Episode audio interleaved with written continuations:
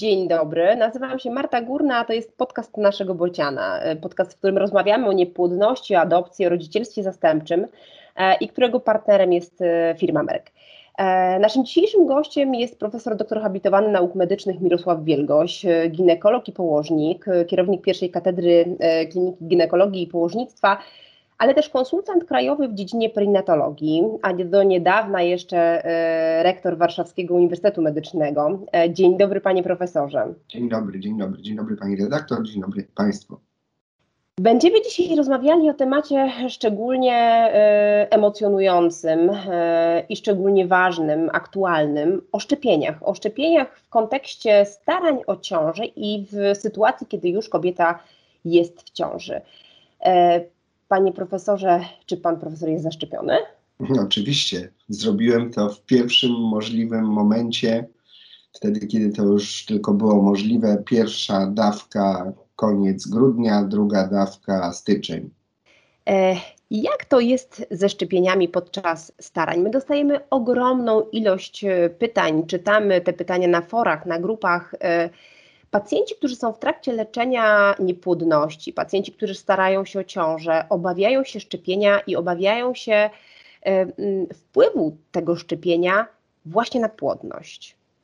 Tak, no pokutuje takie przekonanie, że nie powinno się szczepić w okresie planowania ciąży, że powinna być jakaś przerwa, to, to różnie się to o tym mówi, tygodniowa, dwutygodniowa, miesięczna, dwumiesięczna, półroczna, to, to są w ogóle żadne, to nie są jakiekolwiek potwierdzone dane, potwierdzone informacje, tylko takie e, no, mity i przekaza, przekazywane z ust do uszu E, jakieś takie dziwne e, zalecenia. Oczywiście no, pewnie nie jest e, to najbardziej wskazane, żeby akurat może ta koncepcja następowała w dniu szczepienia, także jak planujemy, jeżeli mówimy o rozrodzie wspomaganym, mamy tutaj jakieś możliwości E, no, pewnego planowania i pewnych przesunąć. Zresztą szczepienie też można przesunąć zawsze o kilka dni, czy o tydzień, czy o dwa. Myślę, że chodzi głównie o to, żeby w tym takim krytycznym e, momencie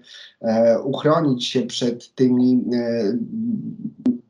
objawami niekorzystnymi, które mogą wystąpić, jak chociażby mhm. gorączka, prawda? U niektórych w ogóle tych objawów nie ma, przechodzą to zupełnie bezobjawowo. Ja swoją pierwszą szczepionkę pamiętam, że przeszedłem bardzo dobrze. Jedyny objaw to był ból ręki, który utrzymywał się, nie wiem, może dzień, może pół dnia nie miałem żadnej gorączki, nic się nie działo. Druga szczepionka to tak jakbym w ogóle nie był zaszczepiony, żadnego objawu. Ale oczywiście są osoby, które znoszą to gorzej. Ta gorączka może utrzymywać się nawet do kilku dni. Wiadomo, że trzeba wtedy e, przyjmować e, leki określone, więc no, może lepiej, żeby to nie było tak e, dzień do dnia, ten, ten zbieg tych wydarzeń. Ale kilka dni, kilka dni różnicy myślę, że już załatwia sprawę i naprawdę nie odkładajmy tego szczepienia, nie czekajmy nie wiadomo na co, bo tak, ci, którzy starają się o ciążę, mówią, że a to może lepiej ja się zaszczepię, jak już będę w ciąży a później w ciąży znowu słuchają tego, co się mówi o tym de demonizowanym wpływie szczepienia na ciążę, a to może jednak ja jeszcze poczekam, zaszczepię się w późniejszym okresie ciąży, a potem, a to może po ciąży, a może jeszcze po karmieniu. I to się wydłuża strasznie. Ten e, czas, który tracimy na to, żeby się zaszczepić, to już idzie w miesiące. A przecież w tym czasie, w każdej chwili może dojść do zarażenia się, do zakażenia i do rozwoju choroby, która może być no, fatalna w skutkach, zarówno dla kobiety, czy starającej się o ciążę, czy będącej już w ciąży, czy karmiącej, a to także no, przekłada się niejednokrotnie na potomstwo. Także nie odkładajmy tego szczepienia, zróbmy to możliwie jak najszybciej. Panie profesorze, ale e, czytamy też o obawach młodych ludzi, którzy na dzień dzisiejszy wcale nie planują jeszcze e, tego, żeby dzisiaj zostać rodzicami czy w najbliższych miesiącach, ale oni boją się szczepić w takim długofalowym kontekście tego, że nie wiem, czy ta szczepionka może mieć taki wpływ, że Tak, zaburzy płodność po pięciu, po czterech, po trzech latach. Czy tajemnicze mRNA może upośledzić długofalowo płodność albo zmodyfikować kod genetyczny? Takie rzeczy czytamy w dyskusjach na forach. No tak, ale to jest też znowu wszystko wyssane z palca. Przecież te szczepionki, czy mRNA, czy szczepionki wektorowe, one w żaden sposób nie wbudowują się do naszego genomu, nie powodują jakichś przebudowań genetycznych w naszym własnym materiale. Więc to są obawy zupełnie wyssane z palca. I jeżeli ktoś obawia się wpływu szczepienia na płodność, a nie zastanawia się e, nad tym, jak choroba może wpłynąć nie tylko na płodność, ale w ogóle na zdrowie i życie, no to to jest totalne nieporozumienie. Także absolutnie nie powielajmy tych e, mitów i, i, i nie, nie utwierdzajmy się w przekonaniu, że szczepionka pogorszy e, płodność. Panie profesorze, mamy rekomendacje y, zarówno Polskiego, jak i Europejskiego Towarzystwa Naukowego. Mówię o PTMRie i o ESHRE. I te stanowiska są podobne. Y, zaleca się wstrzymanie leczenia i spontanicznych starań na kilka, kilkanaście dni po przyjęciu drugiej dawki szczepienia. Ale wskazując jednak, pozwolę sobie zacytować. Na tym etapie nie ma informacji na temat bezpieczeństwa różnych typów szczepionek podczas leczenia wspomaganego rozrodu lub ciąży i nie można wydać zalecenia, który rodzaj szczepionki jest najbezpieczniejszy dla kobiet i mężczyzn zamierzających zajść w ciążę. Skoro my tych informacji nie mamy, skoro w tych oświadczeniach yy, no, stoi czarno na białym, że nie mamy informacji, no to dlaczego, na jakiej podstawie zakładamy, że to szczepienie jest bezpieczne? To nie jest tak, że my nie mamy żadnych informacji. My mamy wiele informacji, które płyną głównie z badań obserwacyjnych, prawda? Jeszcze za wcześnie jest na to, to jest za świeża sprawa, żebyśmy mieli e, no, takie twarde dowody oparte na evidence-based medicine, gdzie możemy zrobić e, badania kontrolowane, randomizowane. Zresztą, no, jeżeli chodzi o badania u ciężarnych, to tutaj nie spodziewajmy się, że to będą jakieś zaplanowane badania randomizowane, gdzie będziemy podawać i nie podawać. U ciężarnych tak to się nie odbywa, głównie ze względów etycznych. I tutaj opieramy się głównie na obserwacji, na przypadkach. Najpierw pojedynczych, potem coraz liczniejszych, potem już no, kohorty wręcz e, powstają takie obserwacyjne. No i te obserwacje utwierdzają nas w przekonaniu e, o tym, że szczepionka jest bezpieczna zarówno dla kobiet ciężarnych, jak i karmiących, jak i też dla tych starających się o ciążę. Więc e, mówienie, że my nie mamy żadnych danych, jest na pewno nieporozumieniem. Mamy też takie badanie, które e, jest bardzo istotne dla panów, którzy starają się o potomstwo. E, pojawiły się bowiem doniesienia o tym, że e, szczepienie szczepionką mRNA nie tylko nie obniża jakości męskiego nasienia, ale wręcz w przebadanej grupie mężczyzn zaobserwowano nieznaczny wzrost jakości właśnie nasienia. Pan zna te badania? Tak, znam te badania i bardzo się cieszę, że takie wyniki udało się uzyskać. Myślę, że to nie będzie nadal metoda leczenia męskiej niepłodności, ale będzie to być może dla wielu panów zachęta do tego, żeby się zaszczepić, a przynajmniej nie będzie tej blokady, prawda? Więc e, myślę, że pozytywny efekt to badanie na pewno e, odniesie. No dobrze, a co y, w tym już późniejszym czasie? Co z kobietami w ciąży? Czy one również mogą bezpiecznie się szczepić? A jeżeli tak, to kiedy? Y, który z okresów ciąży jest najbezpieczniejszym momentem na szczepienie? Jak najbardziej tak, nie tylko mogą, ale powinny się szczepić. E, ja zawsze tutaj daję takie zestawienie, jeżeli obawiamy się szczepienia, że ono może niekorzystnie wpłynąć na ciężarną czy na, na, na jej dziecko, a nie obawiamy się choroby, która rzeczywiście może no, fatalne skutki wywołać, cięższy przebieg e, choroby w ciąży, łącznie z zwiększonym ryzykiem zgonu, ze zwiększonym ryzykiem zgonu wewnątrzmacicznego, to tutaj no, mamy prosty wybór. Szczepionka nie, nie powoduje takich e, efektów, w związku z czym no, nie, nie wahajmy się i poddawajmy się tym szczepieniom. Teraz, kiedy to szczepienie wykonać. I tutaj zalecenia e, towarzystw, między innymi Polskiego Towarzystwa Ginekologów i Położników, jak też zalecenia konsultantów krajowych w dziedzinie położnictwa i ginekologii oraz perinatologii, są takie dosyć ostrożne w związku właśnie z tym, że no, tych twardych danych nie jest, e, nie, nie mamy aż tak dużo, ale jeszcze raz podkreślę, badania obserwacyjne utwierdzają nas w przekonaniu, że to jest bezpieczna metoda. Niemniej jednak, no już tak z daleko posuniętej ostrożności, zaleca się, aby to szczepienie było wykonane po pierwszym trymestrze ciąży, albo chociaż po ósmym tygodniu ciąży, kiedy już w zasadzie jest zakończona organogeneza. Natomiast te osoby, które zaszczepiły się wcześniej, bo na przykład nie wiedziały, że są w ciąży albo nie, nie zastanowiły się nad tym w momencie e, szczepienia, naprawdę nie powinny się niczego obawiać. Nawet te objawy e, niepożądane, które występują, między innymi ta gorączka, ona z reguły jest bardzo krótkotrwała po szczepieniu, nie wymaga jakiegoś specjalnego postępowania. Z reguły zwykły paracetamol e, e, wystarczy aby, aby się z tą gorączką uporać. I naprawdę nie ma co też tego demonizować. Mamy wiele danych na to, że nawet w tym wczesnym okresie ciąży szczepienie y, jest bezpieczne. Też toczą się dyskusje na ten temat, która szczepionka jest, powinna być zalecana, która jest bezpieczniejsza.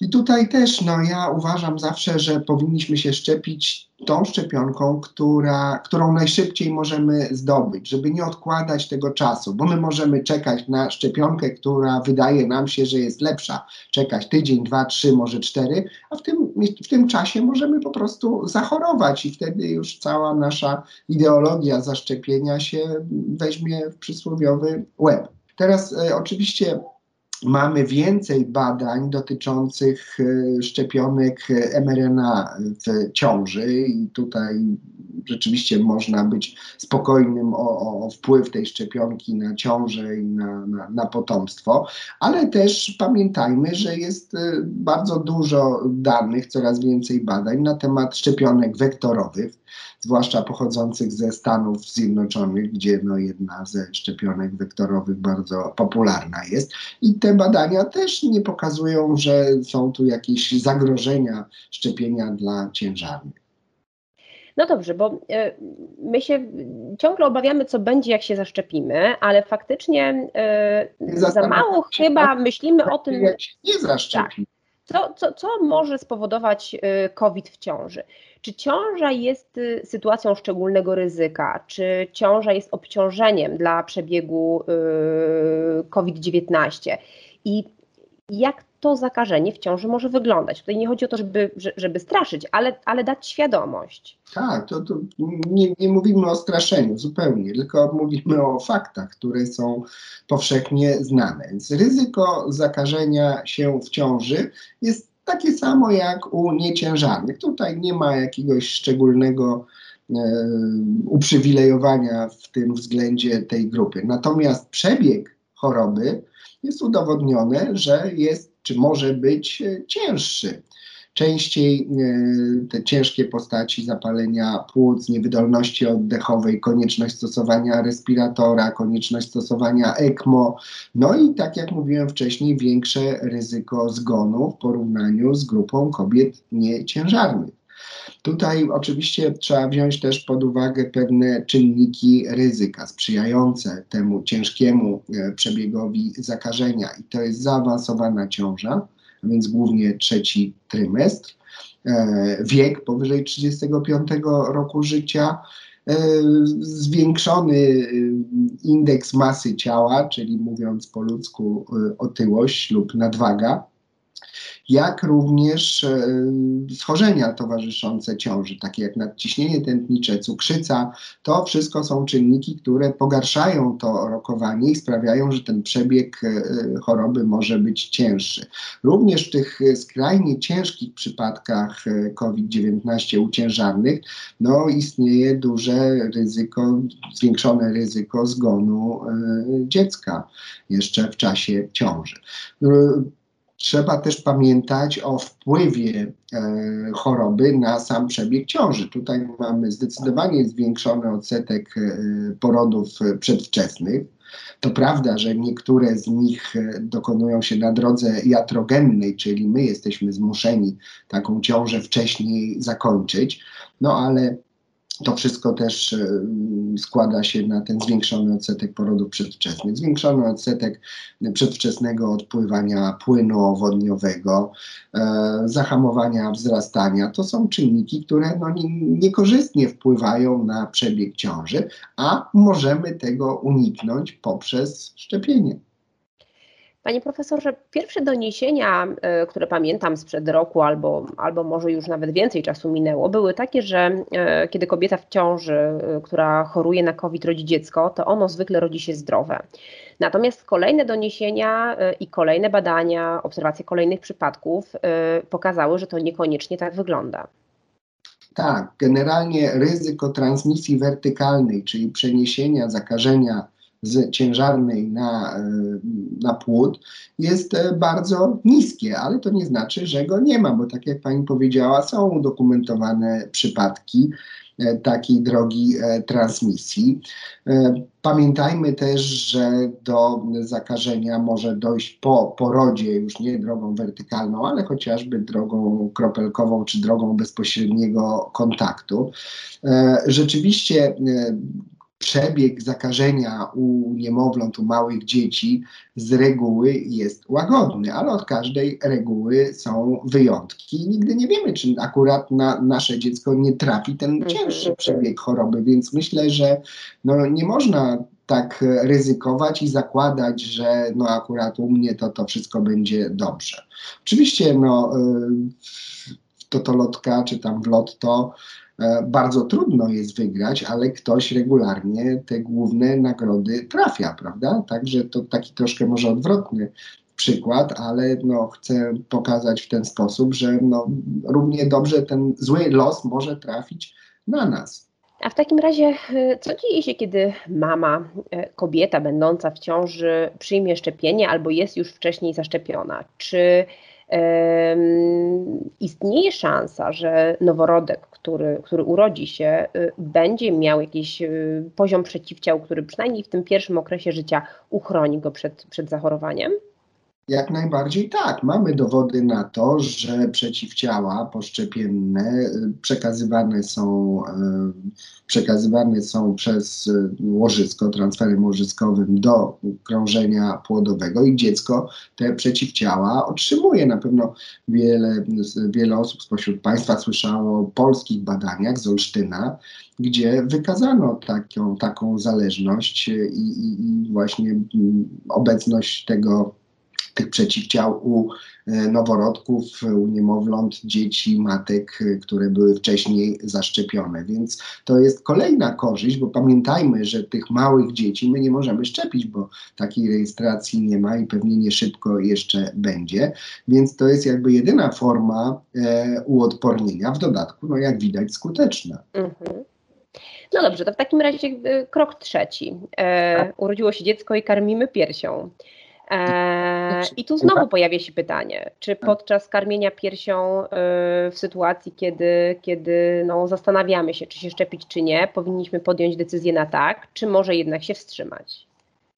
Absolutnie na tak, bo znowu, po pierwsze, jak się zaszczepimy, stwarzamy mniejsze ryzyko, że swoją osobą e, zarazimy dziecko czy otoczenie, ale też e, no, wykazano obecność przeciwciał w pokarmie matczynym, więc to jest znowu ta droga, którą te przeciwciała mogą być przekazywane.